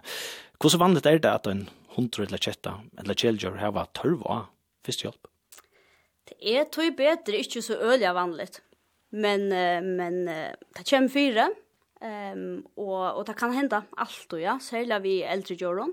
Så det er godt at, at du har noen ting, å vite hvordan skal man handla ut til før noen at gjøren kan skal smedle rom, eller, eller færre enn av årlige skreia. Og vi kallar det for ABC, det er helt akutta. Mm det er ta et jord simpelthen smetter om, eh, og kanskje misse vite. Um, og etter ABC til lukket for å minnast hva skal man gjøre. Mm. Um, A er stender for airway, altså andaleien, B er stender for breathing, andajore, og C er stender for circulation, blåsirkulasjonen. Ehm um, och ta man häver en, en hund en kjette, eller också annat gör det kan vara allt gör det i princip när det är för människor. Ja? Ehm um, så börjar man vi se någon, man börjar inte vid anon, så det är ju bäst med ening, men det är ABC för jag minnas det, men man börjar vid circulation. Okej. Okay. Puls. Puls. Slär hjärsta som gör något. Gör oss med rum, det första man ska göra är att kanna om hjärsta, slär. Kost gör man, ja.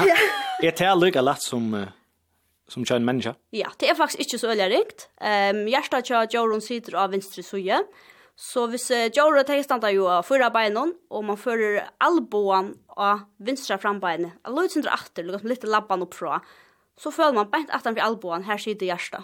Her legger man sånne hånd og merker etter. Og Jorra ligger typisk nye sugene, ja, du stas smedler om. Så føler man etter, slær hjersta. Og gjør det ikke til, så ser man i gang vi første hjelp, som det aller første. Og det er hjersta bjergjeng. Og, eller hjersta massasje, som man kallar det. Eh, og man får beint i gang vi, at hvis hjärsta ikke slær, så får man beint i gang vi at gjøre hjärsta bjergjeng. Og man hever gjort litt av søgjene til lukka mye om det er nere av vinstre eller høyre søgje, eh, og blir hjertemassasje. Og man gjør et lagt trusht, man skal ikke trushta for nere bort, til at gjør nere ofta små. Um, og etter eisen galdant til en hamstara som vi er 20 gram, og, og, og en hund som vi er 100 kilo kanskje. Eh, man så man ska anse efter att man inte för fast, men helt tror jag inte för fast än för lite. Eh, och man ger simpelthen 100 trust per minut.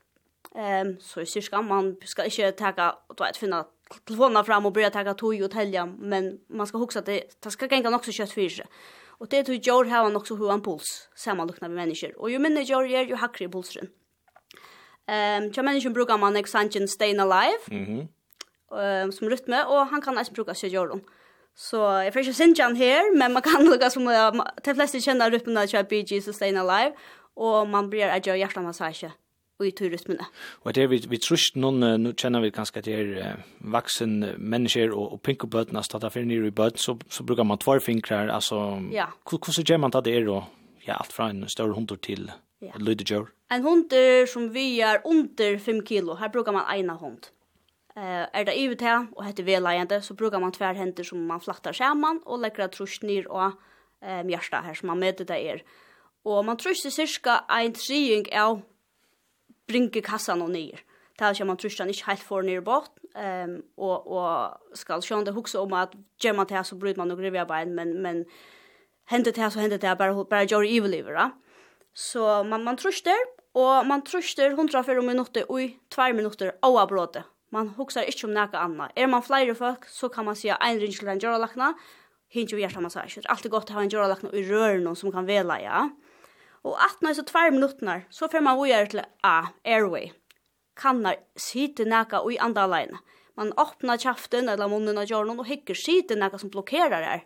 Er det en hunter som er knappt hever, gynns vi en bølte og kommer til å som blokkerar han, og sjår det her, ja Eh man håller tunkorna sönder ut och ser man något som sitter där så tar man det bort för att man kan.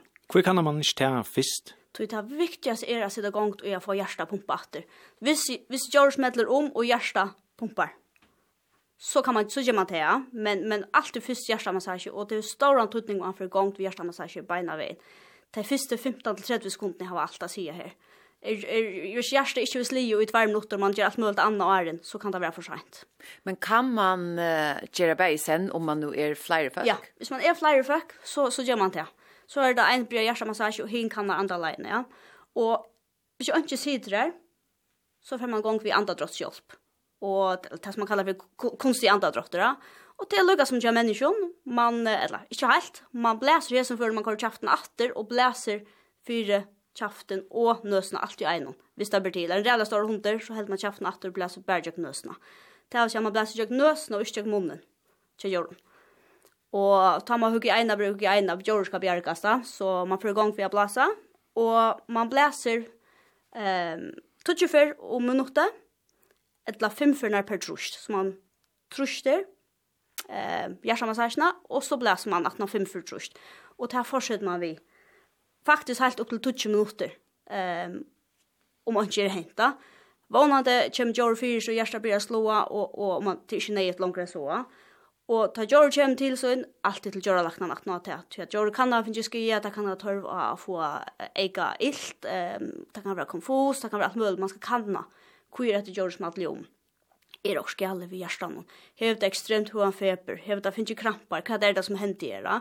Så men først og fremst, første hjelp av stedene. Og er man bör inte huxa George Medler om nu gjøre det Det er Till som skal bjerge George her og nå, Ta det. Ja, her er jo unger, anki sugarbilar som kommer bare bo etter en og George så det, det er faktisk opp til to inn. Ja, ja. då är det gott hvis, hvis äger den dår etter. Eh och ta pjös köra tutt jord. Du kan äska en tur och, och komma fram med ett jord som som ligger ehm och en ägare som är färdig och i panik och inte vet vad han ska göra. Ett lätt jord som inte har några ägare just här med ligger här. Då. Ehm så så först och främst huxa ABC och det är hjärtaslott och andala andra alltså fruan andalai och så är ju andra hjälp. Det er lugga som det viktigaste här och nu vi stjör medler om hur inte vet och eventuellt inte hela hjärta som slår. Och så kan det vara stöver här här man kan ha bruk för första hjälp till jor. Ehm att jor som smäller om och får krampar. Mm -hmm. Som tar folk får krampar. Ja? ta litt av det typ så sujene og, og få krampar, og det pjøves ikke å være til at skomer stender fra, og det ristas og alt, det kan jeg skal bare litt og stære ut luften men ikke være til steder. Um, og ta sier vi at man skal alltid trykke seg at jord ikke kommer til skia, likt at lumsa så på en sofa, så lägga ner ned gulvet så det ikke detter, ikke tatt en trappe eller noe sånt. Trykker der at to ikke kommer til skia, så ikke vi røyner å hala tunken ut til en jord som krampar eller noe ehm bytte tunkna så så så friver vi tog det kan man fixa så ja men sig för att att ejern inte kommer ska och blir biten så att jag vet inte vad det gör att jag heter krampan standa och bra Og være så krampan i mer enn 5 minutter, eller ta kjem fyra mer enn eina fyr, så skal han alltid til lackna at blå kannar ordentlig kvi komis krampan Det kan være alt fra feber til hjertasjuke, livratroblagar, nøyratroblagar, stoffskiftesjuker, alt som kan gjøre krampar. Så man vil gjerne finne det av hvor krampar gjør, ja. Ehm um, og Gjør takka skia, öll takka skia av å få krampar til at heilen fer ikke nok ilt ta krampan standa på. Så vi setter nekka som hender flere fyrst kom alltid til gjøra lakna. Um, og i støvene ta etter kramp, gjørne krampa kan det være ekkelig og beheilt at, at suttja. Um, men vi er rolig og da er trutja gjør ikke til skia, trutja tusen til skia, boja til det i vistegi og så til gjøre lakna. Jag tror nämnde jag snitt här vi gör lackna att det är först hjälp och nå när du krampar Altså, är är en gör lackna allt hva som man säga till röjer att ta telefonerna skulle jag også, skulle jag også hent? Ja, allt ökna. Klockan tro om nattna, Alltså vi vi skiftar allt så är det alltid en gör som hever vakt. Trots det är sagt det är bara en 18 år vanlig arbeidsdøy, Eh vi kommer göra lackna kan vara stad dra via det i sore. Så det är man är inte trygg över att få hjälp men man är trygg över att få en gör lackna och i telefonerna. Ehm och hjälper du vet, och i den mån man kan va. Ehm är gjorde start läck veck så kan det lunch och köra till en göra lackna. Göra lackna är det bara i havn. Eh vi är inte klinikna grejer sen så men men allt ökna svärar onker, ja. Ja. Det är isen det här vi visst du särst att jag sett och stolse. Ja. Alltså ta nytta i jag på i inte hjärsta stänkar och så för Nej. alltså vi har heimligt till till människor. Ja og til jord. Er det eisen til jord, ja. ikke så ikke? Forklare. Uh, og her er det sånn det rævla store måneder å hava en ørskunlotte eller en hamstare som vi er noen få gram, og at hava en hund som vi er 100 kilo. Um, så her kommer det sindre andre på støttene av jorden, men uh, prinsippet er det samme. Man skal lukka som få et trusht um, fra budskjene og opp, til, som, som trusht i dette fremmede ligam som kan sitte i holsen ut. Ehm um, man kan lägga jore hvis det er en liten hund eller kjetta så kan man lägga det vi hött någon ner efter och rich någon av benen så här. Tar vi så sitter en stol kan lucka hött vända ner efter. Och så tar man simpelt och trustar brinka kassan samman. Ordla fast. Så man skapar ett trust så luften från lungknon blir trust upp jöknen. Luftröre och vånande kommer det ut. Ehm um, jag upplever nära för och i min liv nu att det är nejot. Ehm um, så det, det kan jag vara livbjärgande ja. Att då att jag Eh och det öliga stora är den stora hunden som ständer ett lång fyra så tar man lucka som attan fra och ger ett trust. Ja. Och klarar man lite upp kan man vänta en hött i ja. Det är ju alltid man kan, Det man kan googla sig fram till. Ja. Alltså det är det faktiskt. Hund är en blä eller mun hamster ettla kvätta nu är man Ja. Man har bruk för det. Ja, det kan man faktiskt. Man ska nog göra det åren. Ja, det är gott att göra det åren så man lukkar som kan. Okej, okay, min hund är hesa stöttna. Vad ska jag göra ifall jag sätter också i halsen? Ja. Ehm så så det gott att kalla åren. Det är kanske en sommar som fär panik och fär ner i halsen av journal. Ja. Det ska man nog inte göra. Eh inte utan så man är säker på att det här att han är svälta akkurst och man vet man förfäder att annars kommer man lättliga blöda bitarna. Ehm um, som man för man för ett då så kör man till att rusta det långt ner. Ehm um, och och kan göra trubblagan större. Eh som man för så kan man föla halsen kvar där sitter och kan lukka ut utifrån rena att få det upp. Ehm um, og i sommerføren, hvis, man, hvis hundre en antar, eh, og ikke, du vet, man ser at han ikke vil kvelas, men han hever også i halsen. Bare bo til gjørelakna, skunda dykna sted, så får vi jobb, vitt du, ja, og er en at hjertet stekker og alt det. Så er han av retten sted i eisene. Og da skal man, pjøs man ikke, at, du vet, hok som er rinja, man, man, man køyrer sted til gjøre gjørelakna beina veien. Ja. Hvordan vi, eh, Saron, altså alvarsamt sar, et eller annet bøynbrot, hvordan spør man seg etter?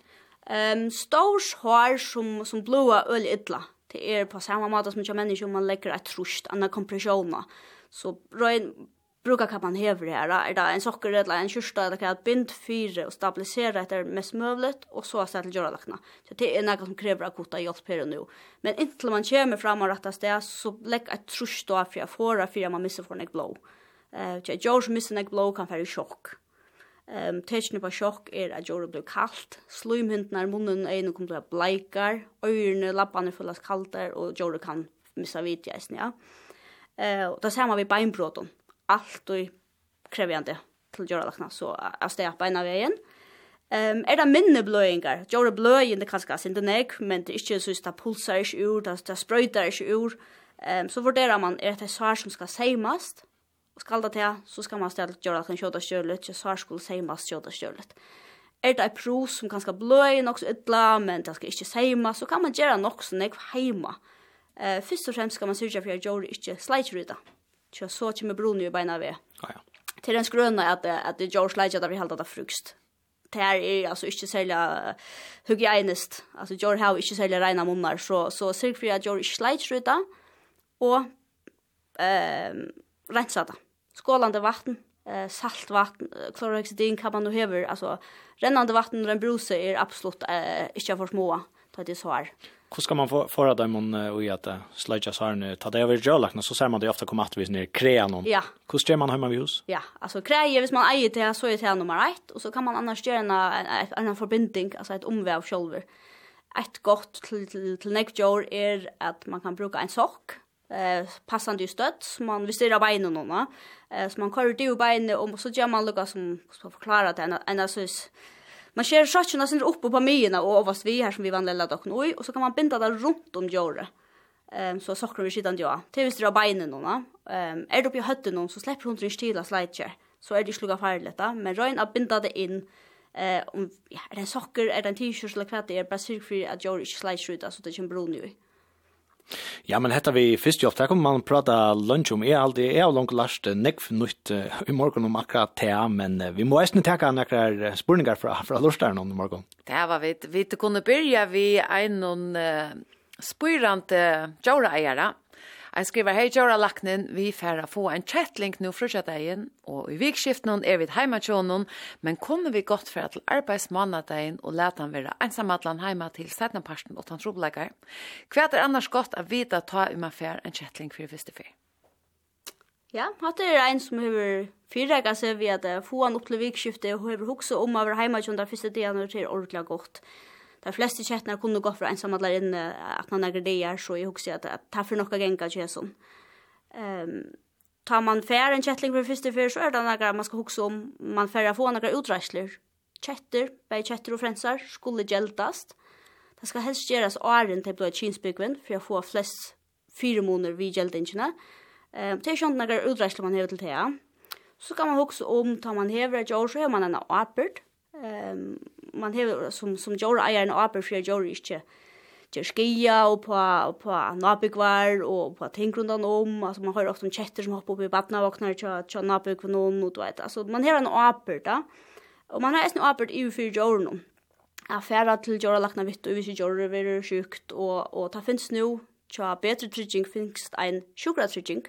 Så man kan tryggja jóra við fatla blú sjukt og få attergolde jóra lakna rokningar. Ehm och så ska man också om jag heter en chatligger han sen vuxtre. Vad ska han ha äta? Ta första liv ju är det viktigaste för om till till att få det rätta att äta. Ehm så sök för att det är kvalitetsfawor just chatlingar som stannar vuxtre. Ehm och att rammarna hemma är i ordan. Giftiga planter, de snäga folk inte ofta huxa om. Här är ölen några planter som är giftiga för chatter Och chatter är passande buttar till att det har hotla för att bo ut där. Eh jauna får vi chatter in som blir en eitrajar av planton hemma. Ehm um, så kan man kvad är ju omkorm så kan vara skäligt för en chatte. Ehm um, chattlingar kan finna på hoppa högt och detta jag trapper trappor och och mängslukta. Lät inte kaxknuvar standa framme och då också om är omkorm tryckt chat journal. Jag kom in nu. Säljas man inte prova det för. Hva skal man kjøpe? Hva skal man eie inne?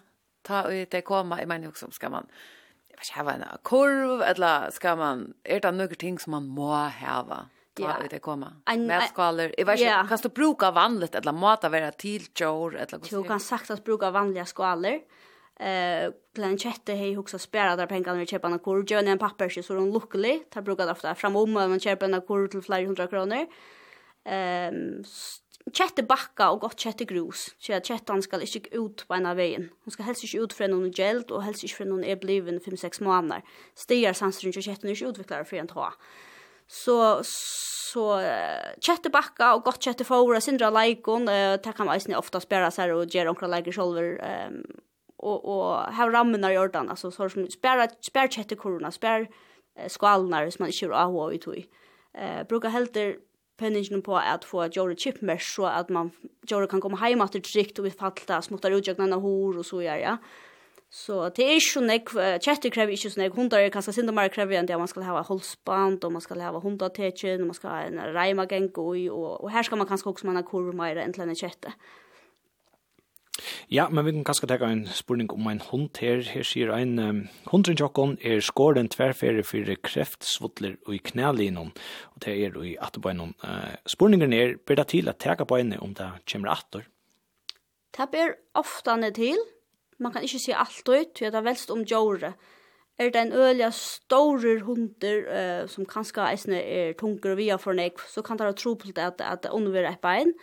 Men uh, nekker hunder trivast øliga vel som inte. Så hvis man möter till nejot så så kan man gott göra det ehm um, i för men det kan vara för alltså det kan vara sommarst över här man inte kan göra det.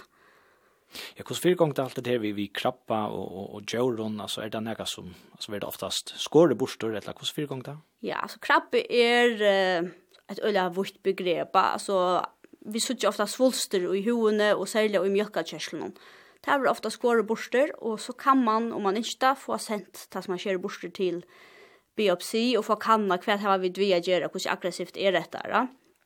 Eh, og det er ikke alltid man vil til at det kostar mer enn kjøl skorvidgjene for å ta kanna, så ofta vil man bare kjøre det borster, og vana at det ikke kommer etter. Men krabba man innvorsis er ikke helt ærvis, det sast ikke på samme måte, så her kan det ikke være øyla diffus en hunter som som kanske bara blir nästan mer aliner eller slöver och och kanske mäta lyssna mycket han täpper så så gör tack ice rotation krabba mine. Så det är ödet fost och vi tar och ankan krabba mine skannar till jord. Ehm um, så vi tar inte så med möjlighet kan refergen som vi tar några är sen i mot krabba mine till till jord. Men öde ofta så gör vi krabba mine som sitter i hoene och som sitter i mjölkagångarna och och täpper till att ta bort i nekon förron. Ehm Eh och benen och kan det som tar först att skära och sporta här är snäck hur vad gör gott vi så det kan vara synte trubbel vi kör så man ska vara goar toj ta det kämt la benen men uppe rich någon och under butch någon så tar det väl till att att ta borste och över gå ut lite vanliga. Så här har vi det två spurningar som Lucas er sinter. En skriver vi har en hund som är tjej och han pissar illa inne. Han släpper ut tröja för om dagen och är av luttlons le. I halte det vestnar. Kvoi, spyrir ni. Och så er det en som skriver, min hund kokar mer allt huset till. Är något man kan gjøre för å få han att koka minne? Ja, så det er det første vi pissa. Det kan vara nekvar årsøkje til at en hund for å pissa inne. Blørebrone er det mest opplagte her, så man skal først og fremst komme vi en landrønn til Gjøralaknene for stedfest, eller for kannan fyre bløre, blørebrone og bløre steinar, Og så kan det være sår som diabetes som gjør seg galdande. Det er slett ikke ovanlig å gjøre den. Så drekker det ofte mer vatten og klarer at hun ikke halda seg. Um, så i hessen før noen, hvis jeg heter noe nytt, så er jeg absolutt finnes det kan man ikke gjøre lakna vis ned, til at det kan være nekvars imiska sjuker som gjør seg galdande her. Til nok ikke til at han bare blir irriterende og ikke tøymer at, at, at halda på seg. Det er ofte en medisinsk årsak til det som man gjerne vil få stedfest. Og til den hunden som, som kokkar inne, altså det er ikke, det er ikke normalt at en hund kokkar inne og flere som det er Um, her er nekv uh, man kan gjøre her heima, og er man for kanskje fyrir djøralakna, hok som kan fåra han fær, hvordan nekv fær han. Hvordan vet det om hunden kommer for rett for Ja, altså fær han hundar for Ehm så är man a gåarlai.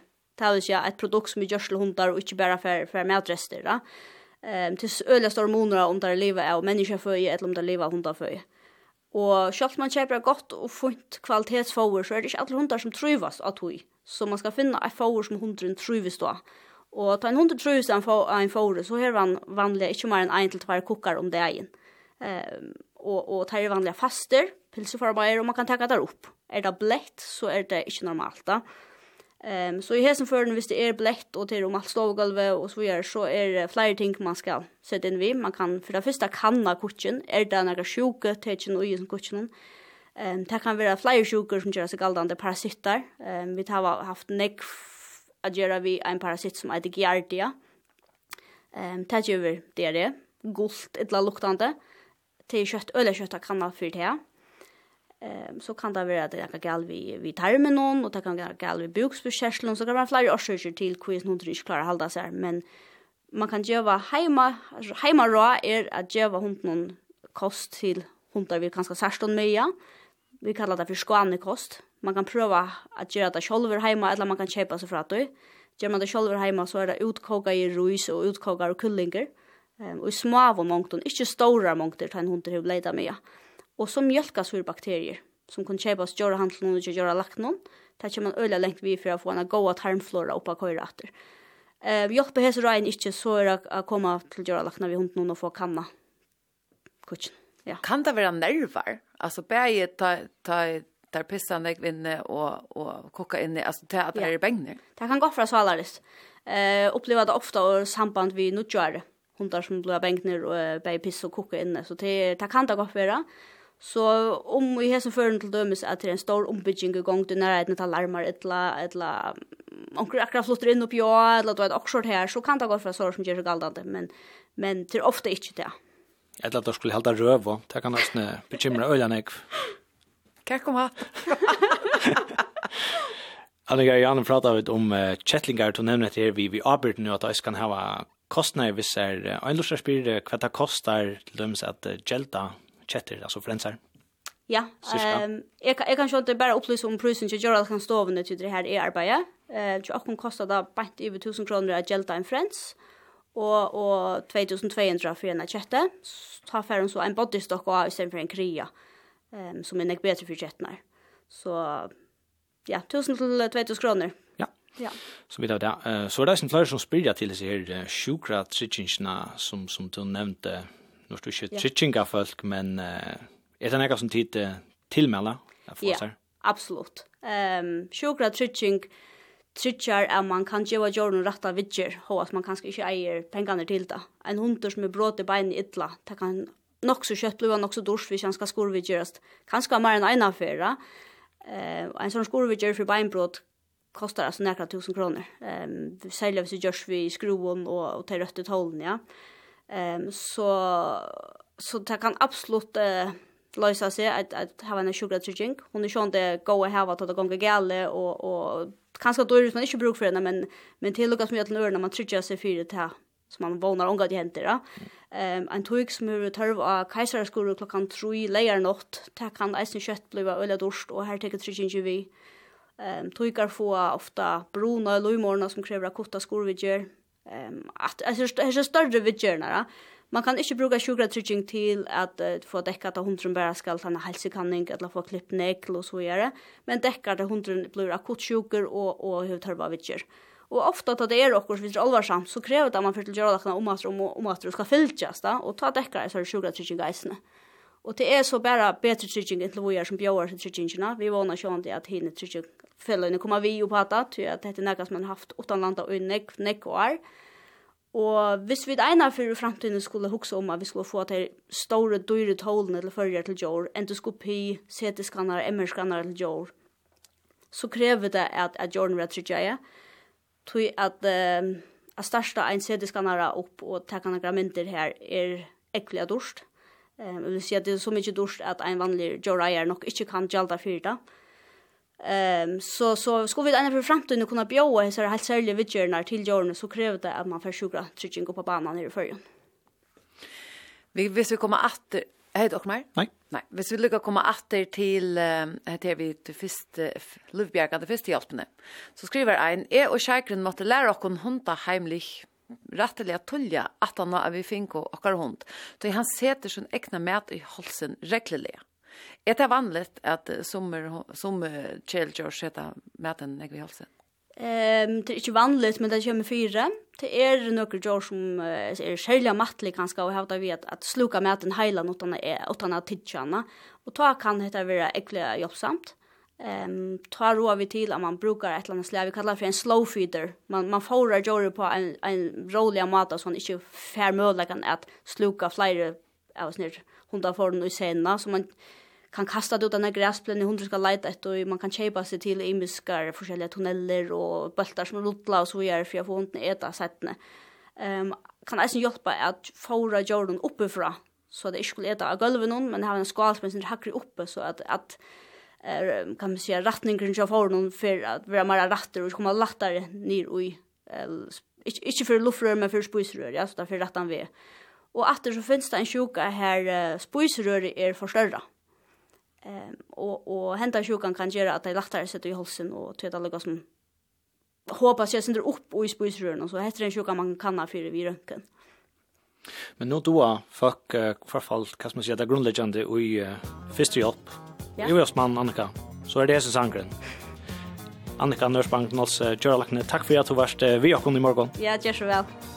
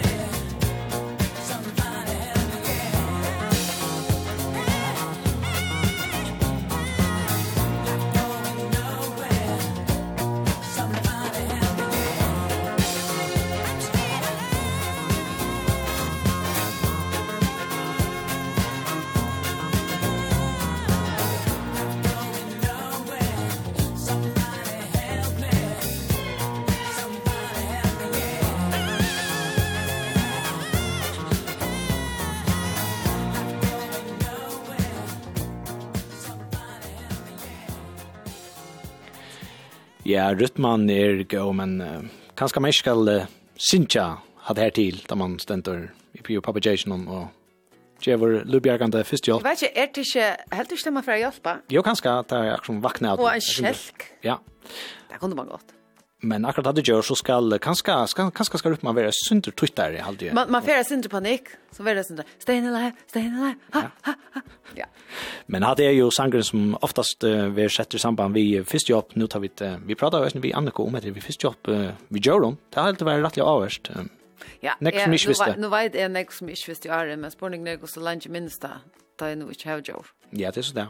Det er så det, og at Det är Jeg vet ikke hvordan ofte at det kommer videre. Jeg er så omgang kom fram av Joe som er. Men vi er jo i ødelen for en klokere enn vår år. Ja, nå er vi i ødelen til røyer.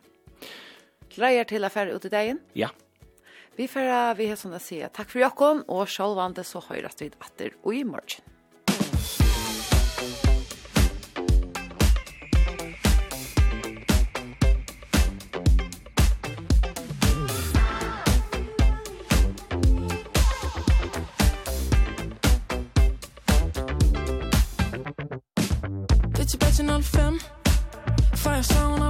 listen. Ingen nævnt den glemt.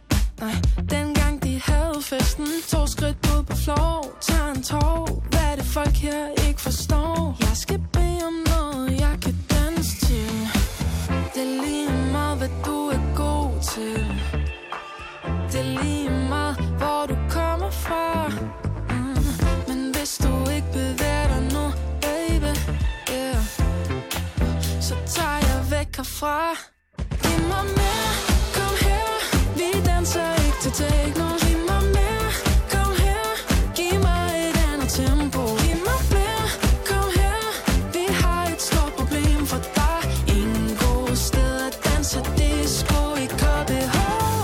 den er 02 Ja, vi går fra sted til sted. Der er tom på Nørrebro. Så jeg hopper på et tog. For i Odense har de bookies. Ingen rookies, ho